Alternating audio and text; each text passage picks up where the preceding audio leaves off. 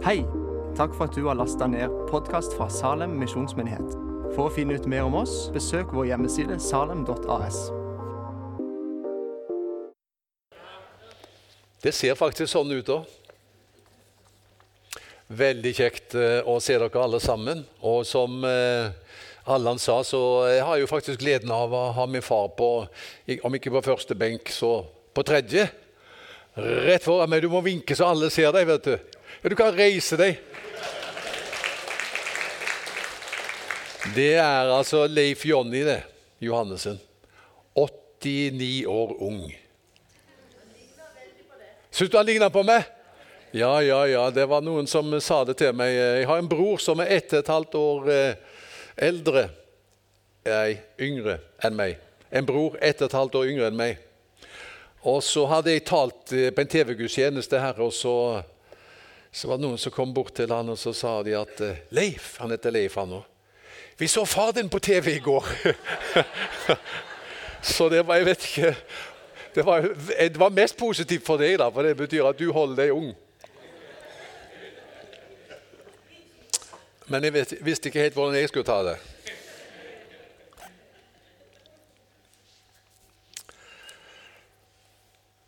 Vi skal lese Guds ord fra Johannes 10.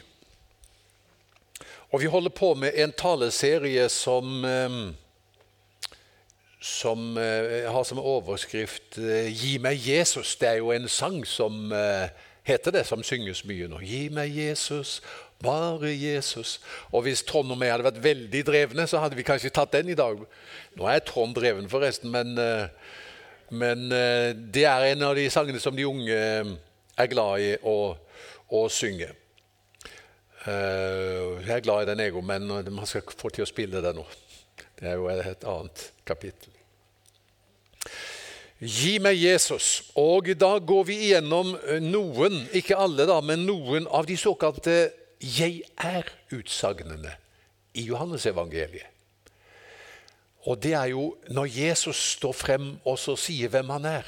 Vi har hørt eh, denne talen 'Jeg er' uh, verdens lys. Elmerete talte om det. Elin talte om 'jeg er vintreet'. Og Nå skal vi se på en annen av disse tekstene, og overskriften er 'Jeg er porten'. Neste søndag skal eh, Wilhelm, som sitter her fremme, tale om teksten 'Jeg er den gode hyrde', eller 'den gode gjeter'. Det gleder vi oss til, Wilhelm. Men nå er det altså 'Jeg er porten'. Johannes 10 fra vers 1 til og med vers 10. Sannelig, sannelig, jeg sier dere. Den som ikke går inn til saueflokken gjennom porten, men klatrer over et annet sted, han er en tyv og en røver. Men den som kommer inn gjennom porten, er gjeter for sauene. Portvokteren åpner for ham, og sauene hører stemmen hans. Han kaller sine egne sauer ved navn og fører dem ut. Og når han har fått ut alle sine, går han foran dem, og sauene følger ham, for de kjenner stemmen hans. Men en fremmed følger de ikke. De flykter fra ham fordi de ikke kjenner den fremmedes stemme. Denne lignelsen fortalte Jesus, men de skjønte ikke hva han mente. Da sa Jesus, sannelig, sannelig, jeg sier dere, jeg er porten inn til sauene. Alle de som er kommet før meg, er tyver og røvere, men sauene har ikke hørt på dem. Jeg er porten. Den som går inn gjennom meg, skal bli frelst og fritt gå inn og ut og finne beite. Tyven kommer bare for å stjele, drepe og ødelegge. Jeg er kommet for at dere skal ha liv og overflod. Amen. Herre, takk for ordet ditt. Og vi er alltid forventningsfulle når vi åpner Bibelen og leser ditt ord. Og nå ber vi at du skal eh, komme til oss gjennom ordet. Det står jo at eh, når ditt ord åpner seg, så gir det lys. Og vi ber at det skal bli veldig lyst her i formiddag. Amen. I vers 10 så sier Jesus 'Jeg er kommet for at dere skal ha liv og overflod'. Og jeg har sagt det noen ganger at der har vi egentlig kristendommen i én setning. Vi har i alle fall kirkeåret i én setning. 'Jeg er kommet', det er jo jul. For at de skal ha liv, det er påske. Og overflod, det er pinse. Jeg er kommet for at de skal ha liv og overflod. Kjernebegrepet, kanskje fremfor noe i Det nye testamentet når det gjelder hva kristendom handler om, og hva Jesus kom for å gi, det er dette lille ordet på tre bokstaver liv. Hva ligger det i det begrepet? Liv. Jeg leste en uttalelse, eller et sitat, av eh, han som mange av dere kjenner til, eh, ved navn i alle fall, C.S. Lewis. Kanskje har du lest mange av hans bøker, sett Narnia-filmer eller lest Narnia-bøkene. En kjent engelsk forfatter som eh, også var en stor trosforsvarer og apologet. Men han har sagt følgende om livet menneskene hadde før syndefallet. Han sa det slik han beskriver det sånn I et fullkomment pulserende kretsløp strømmet eksistens, kraft og glede fra Gud til mennesket som hans gaver. Og han fikk tilbake kjærlighet og ekstatisk beundring. Er ikke det fint sagt? Ja, men du skal få det en gang til. I et fullkomment pulserende kretsløp strømmet eksistens, kraft og glede fra Gud til mennesket som hans gaver. Og det han fikk tilbake, det var kjærlighet og ekstatisk beundring av Gud. Og dette som da gikk i stykker i syndefallet, er det at Jesus er kommet for å gjenopprette. Og Det gamle testamentet taler jo på forskjellige måter om Messias, hva han er kommet for å gjøre, og hva han er kommet for å gi.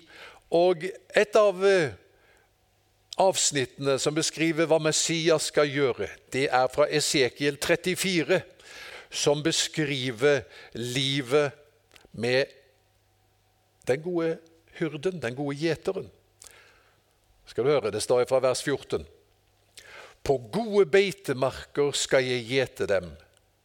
De skal ha engene sine på Israels høye fjell. Der skal de hvile i frodige enger. De skal gå på saftige beiter på fjellene i Israel. Jeg vil gjete sauene mine og la dem hvile, sier Herren Gud. Jeg vil lete opp de bortkomne, føre tilbake de fordrevne Forbinde de skadde, styrke de syke, vokte de fete og sterke og gjete dem på rett vis. Det er hva Messias er kommet for å gjøre. Det er jo et vakkert bilde av livet han kommer for å gi.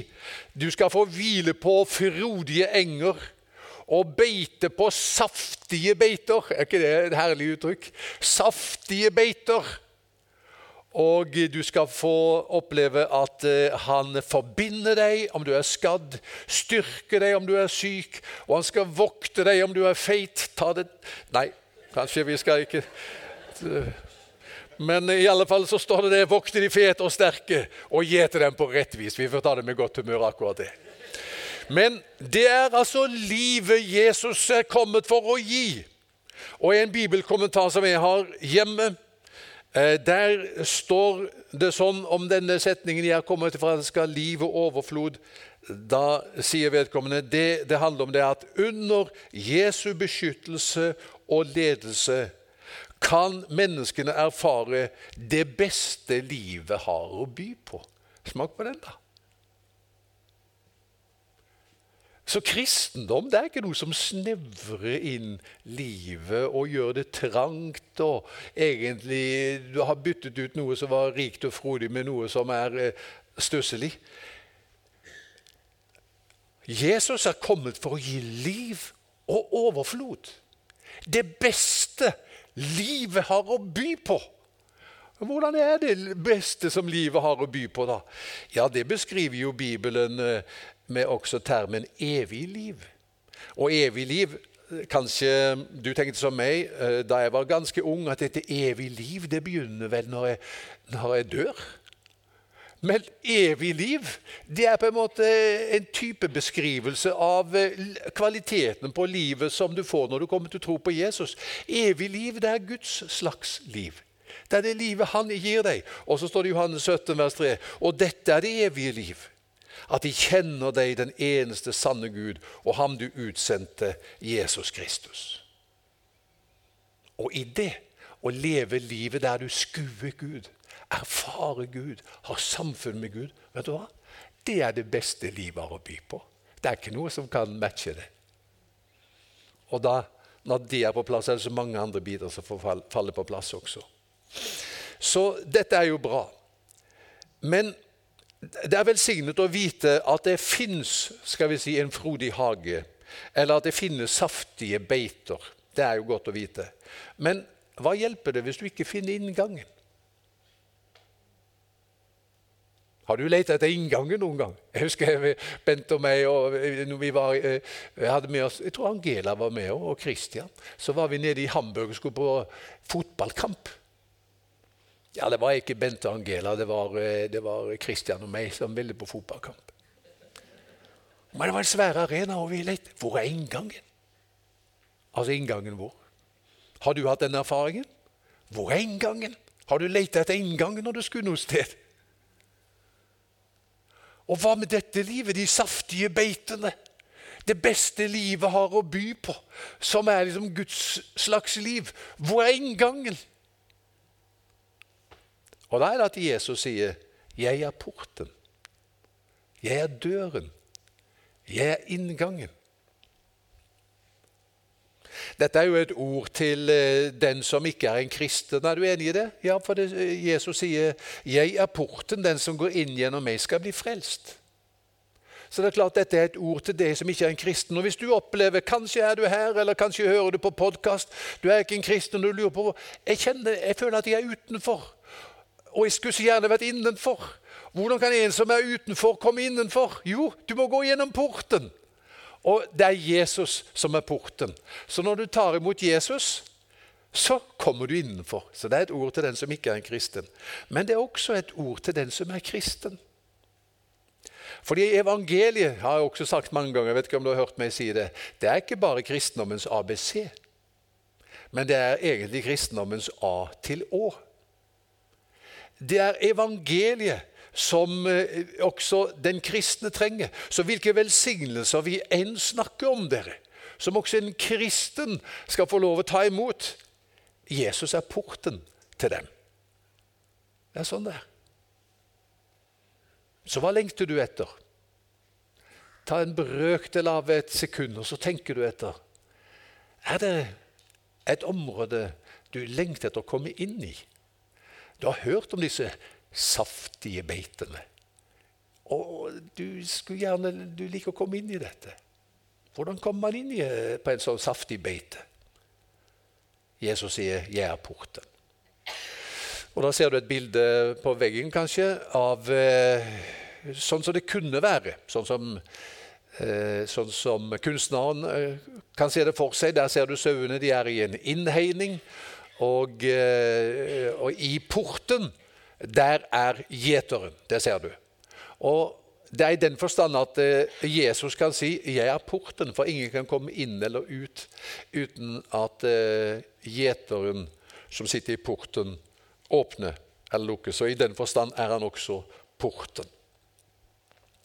Og La meg si tre ting om denne porten.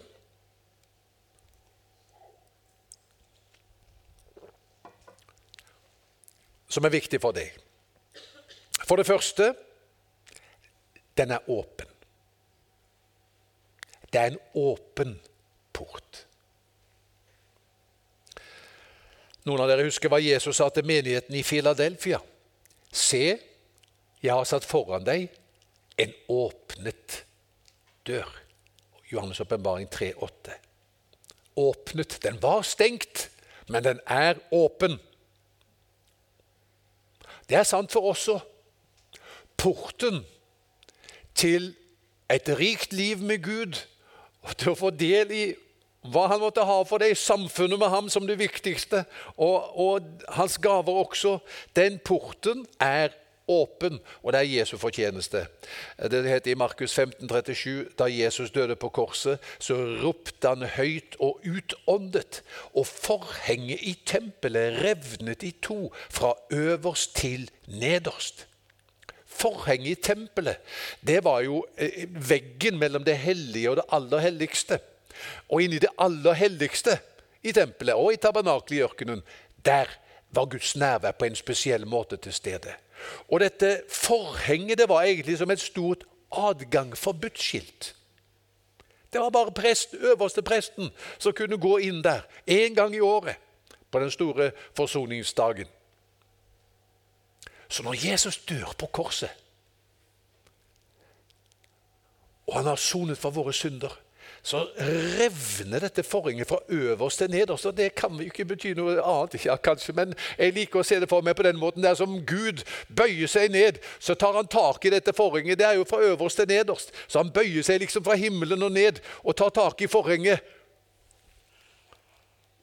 Og så deler han det i to. Og på den måten så, så fjerner han adgang for budskiltet. Og så sier Hebrevet veldig mye om at nå kan vi nærme oss Gud. For I Hebrevet 10,19 står det så har vi da søsken frimodighet ved Jesu blod til å gå inn i helligdommen. Dit har han innviet en ny og levende vei for oss gjennom forhenget. Jesus gikk inn i fellesskapet med Gud, og så lot han døren stå opp etter seg. Stå åpen etter seg. Så dette er virkelig gode nyheter. For det som altså så ut til å være et hinder for deg og meg, hva kan det være? Våre synder, vår svakhet, vår manglende åndelighet. Det blir nå kvalifikasjoner. Nei, det må jeg vel si en gang til.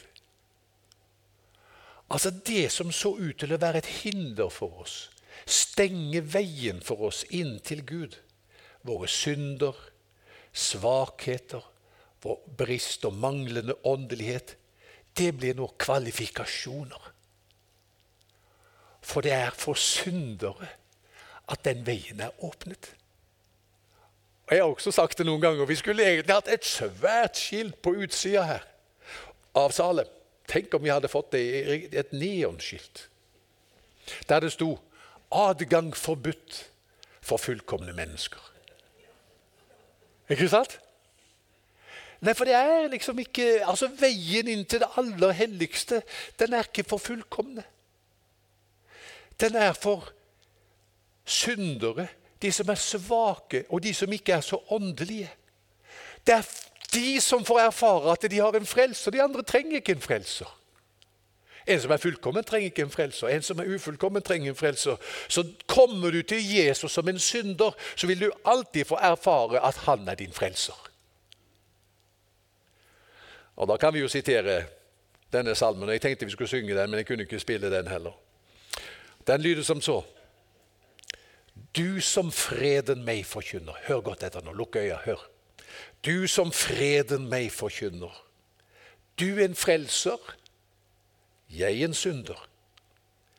Du med ammen, jeg med bønn. Du med nåden, jeg med skammen. Og hvor vi to passer sammen. Du velsignede Guds sønn. Ser du det? Porten er åpen til de saftige engene. Det andre som jeg har lyst til å si om porten, som er en utdypning av det første, sagt, det er at porten er på bakkeplan. Det betyr Og spiss ørene nå også. Porten er åpen for den som ikke er så åndelig som en som ikke er så åndelig. For sagt på en annen måte Porten er åpen for den som er mislykket Vi liker jo ikke å sette den betegnelsen på oss sjøl, men kanskje er du her i dag som føler litt på det. Jeg har ikke lykkes. Da må vi si porten er åpen for den som ikke har lykkes, som en som ikke har lykkes. Det er ikke sånn at porten er åpen når du har fått ordnet opp i rotet og fått ting litt mer på plass. Da var ikke porten på bakkeplan der du er. Da var porten kanskje i tredje etasje, og så måtte du gå noen sånne etasjer i selvforbedring og få livet litt på stell og få orden på ting. Og så når du da fikk ting litt på stell der i tredje etasje, så du Hui, der var det jammen en port, og den var åpen. Men den er åpen på bakkeplanet. Vi brukte hele høsten i fjor på Galaterbrevet. Kan du huske det? Eh, kanskje følte du at eh, det ble noe veldig mange møter med Galaterbrevet. og Jeg er kanskje tilbøyelig til å være litt enig. Det ble litt lenge. Fordelen med lange møter, og, og, og liksom hvis du til og med føler at det er litt kjedelig Hva merker du er, eh, skjer når, når, hvis, hvis det blir litt kjedelig? Tida går sakte. Det betyr at hvis du vil leve lenge, skal du høre lange taler. Det får et langt liv. Tida plutselig går det mye saktere. Men, men Galaterbrevet å, det var så maktpåliggende for meg og for mange av oss å formidle det budskapet som heter 'Det er Jesus pluss ingenting' som frelser og bringer deg inn i velsignelser. Jødene hadde skikkelig trøbbel med at hedningene kunne bli frelst som hedninger uten å bli fromme jøder først. At syndere kunne bli frelst som syndere uten å ha noe annet å vise til enn det Jesus har gjort. Vi kan også veldig lett komme dit at vi føler det. At vi kan ikke bli velsignet hvis vi er mislykket men bare hvis vi er blitt litt bedre kristne. Det eneste som vi oppnår med en sånn tenkning, det er at vi plasserer porten stadig utenfor rekkevidde. Ser du det? Han kan ikke møte meg der jeg er. Ikke åndelig nok, jeg har ikke bedt nok, jeg har ikke lest nok, jeg er ikke gudfryktig nok. Og så, uten at vi har tenkt på det, så plasserer vi porten på et nivå som vi ikke har så lett tilgang til, fordi vi er ikke gode nok. Men hør. Kristus er umiddelbart tilgjengelig for deg som du er, der du er. Har du kommet til kort, så er det som til kortkommen du kan gå gjennom porten. Er jo glad i romerbrevet også, i tillegg til eh, Galaterbrevet. Og romerbrevet 4.4 er det noen som mener er det mest eh, oppsiktsvekkende verset i hele Bibelen. Og Der står det sånn Den som har gjerninger å vise til, får lønn etter fortjeneste, ikke av nåde. Men den som ikke har det, men som tror på ham som Og her kommer det som skikkelig er sånn mind-blowing men som tror på ham som rettferdiggjør den ugudelige. Smak på det uttrykket der. Rettferdiggjør den ugudelige. Han blir regnet som rettferdig fordi han tror.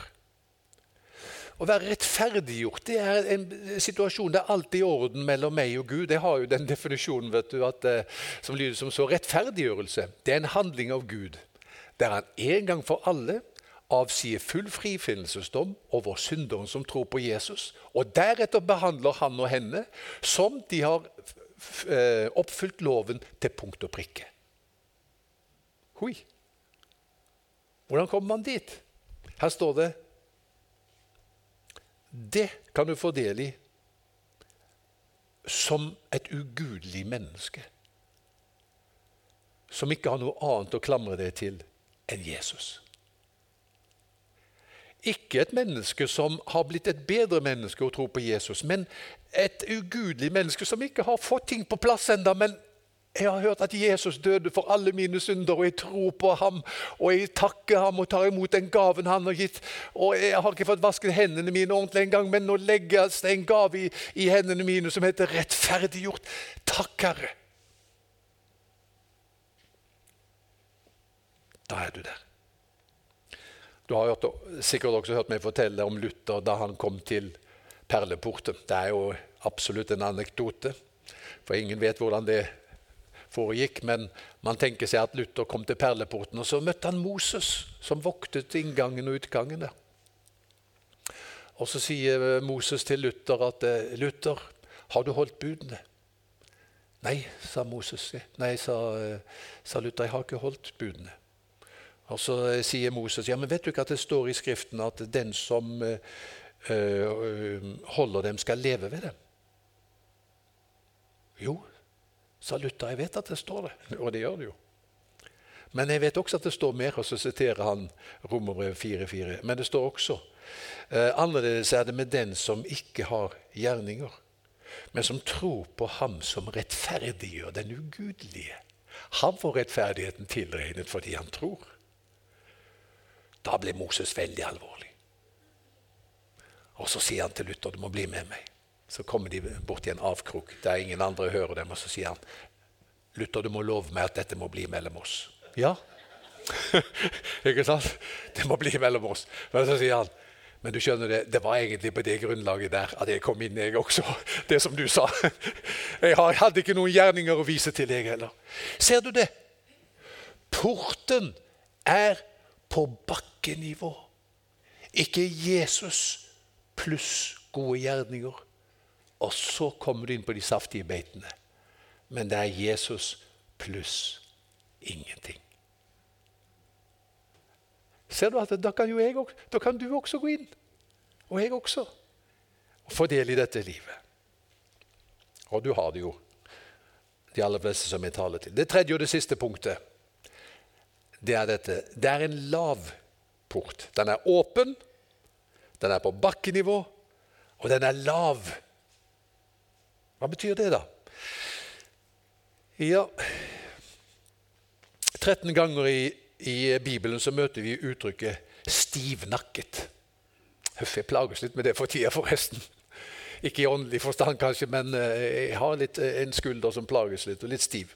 Men stivnakket i den forstand at vi kan være egenrådige i forhold til Gud, eh, stolte og ikke innrømme at vi trenger ham. Og da er greia den at eh, Vil du gå inn gjennom den porten som Jesus er, så må du bøye hodet. Den er litt lav, så du må bøye hodet.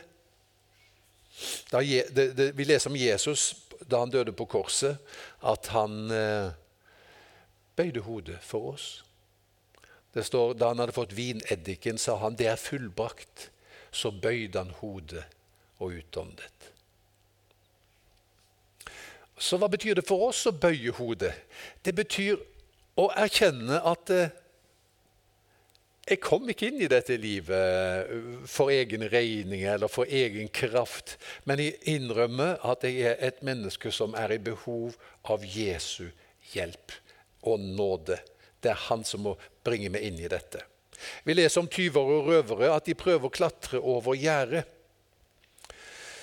Eh, er ikke det det vi også prøver på mange ganger? I stedet for å innrømme at vi trenger hjelp og ta imot det vi behøver av Jesus, så kan vi prøve å ta oss sammen og klatre over gjerdet, forbedre oss, gjøre oss bedre kvalifisert og eh, være mennesker som er fortjent til å ta imot det som han har å gi.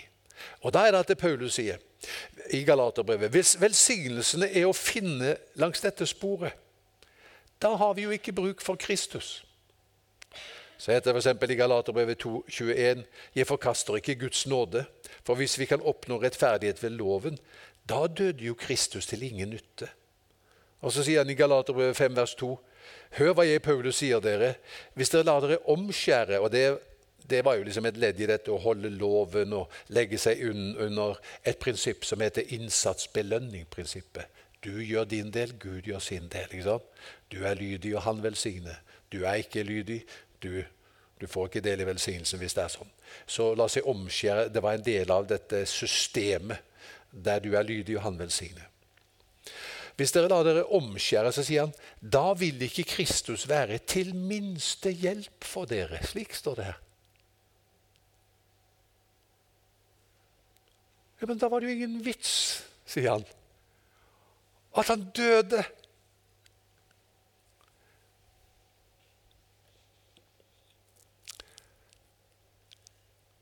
Jeg tenkte også på den teksten og skal avslutte med det når eh, det står i Lukas 18 om disse to menn som gikk opp for å be.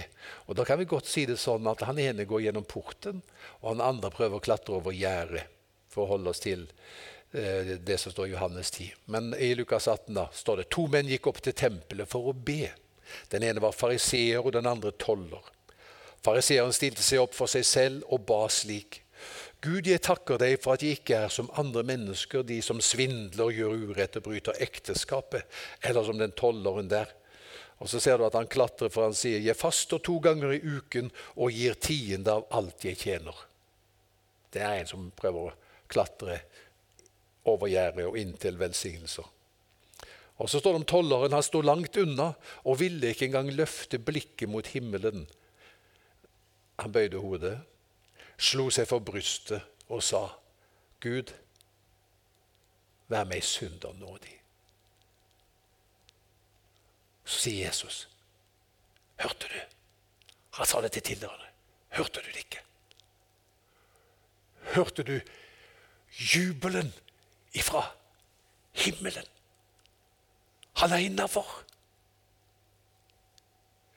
Jeg sier dere, tolleren gikk rettferdig gikk hjem rettferdig for Gud, den andre ikke. For den som setter seg selv høyt, skal settes lavt, og den som setter seg selv lavt, skal settes høyt. Så der ser du. Han bøyde hodet og sa, 'Herre, jeg trenger deg.' Jeg kan ikke ta meg til rette eller, eller ved egen kraft komme inn i dette livet, men takk at du døde for meg, og du er porten inn til det. Og i samme øyeblikk så er han der, på den saftige, grønne enga. Jeg er porten. Åpen. Bakkeplan. Og så er det litt lav, sånn at vi innrømmer for ham jeg kan ikke ta meg til dette, men takk at du døde for meg for å bringe meg inn i det. Og Nå skal jeg ta deg med på en øvelse som jeg gjør noen ganger. Og du har sett meg gjøre det før. Og Du kan være med på det nå. Og det er en enkel måte å gå inn gjennom porten på. Ja, Nå vet jeg at du er der, men det står jo faktisk uh, her at du skal kunne gå inn og ut.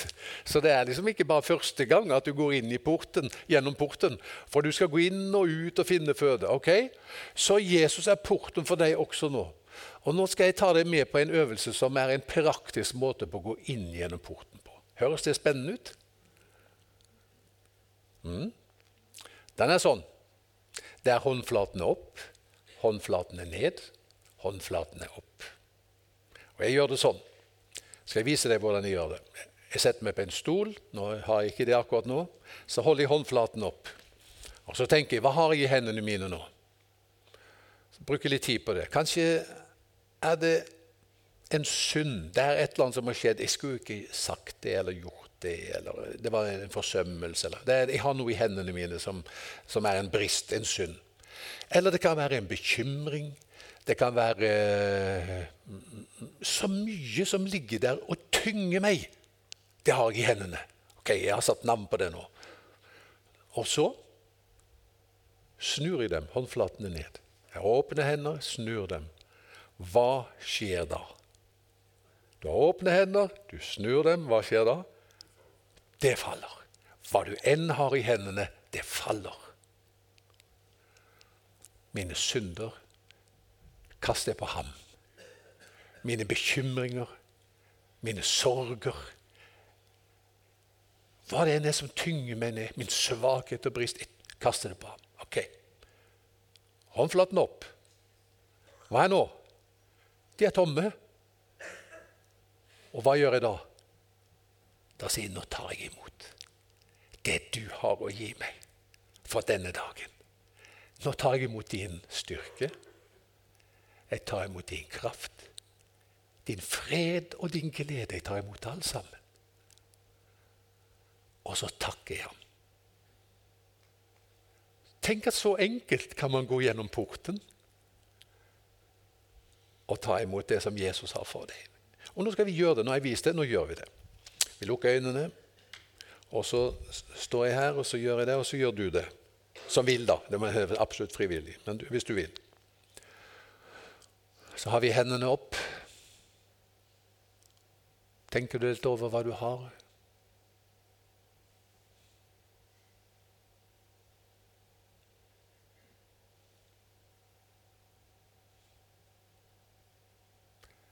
Så snur vi håndflatene.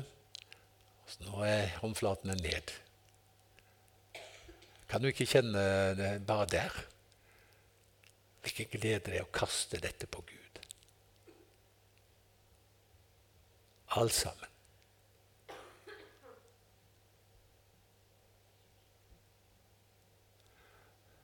Jeg kjenner jo mange av dere. Og jeg vet at noen av dere bærer tunge byrder. Men han er rik nok også for deg. Nå kaster du det på ham. Håndflaten er ned. Og så er det håndflaten opp. Nå er de tomme. Du er innafor. Så sier Jesus, 'Hva vil du jeg skal gjøre for deg?'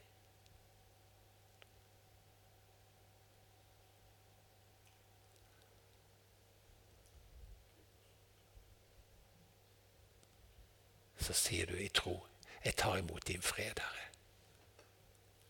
Jeg tar imot din glede. Jeg tar imot styrke og helbredelse for sjel og sinn. Jeg tar imot det jeg trenger for kroppen min. Takk, Herre, for du er porten, og du er tilgjengelig. Ikke for oss der vi burde være, men der vi er. Og takk at vi får nå ta imot. Du døde ikke forgjeves. Takk at uh, du er her til hjelp for oss ved din død, og vi får ta imot det livet som du kom for å gi. Og vi gir det tilbake vår kjærlighet og ekstatisk beundring. Amen.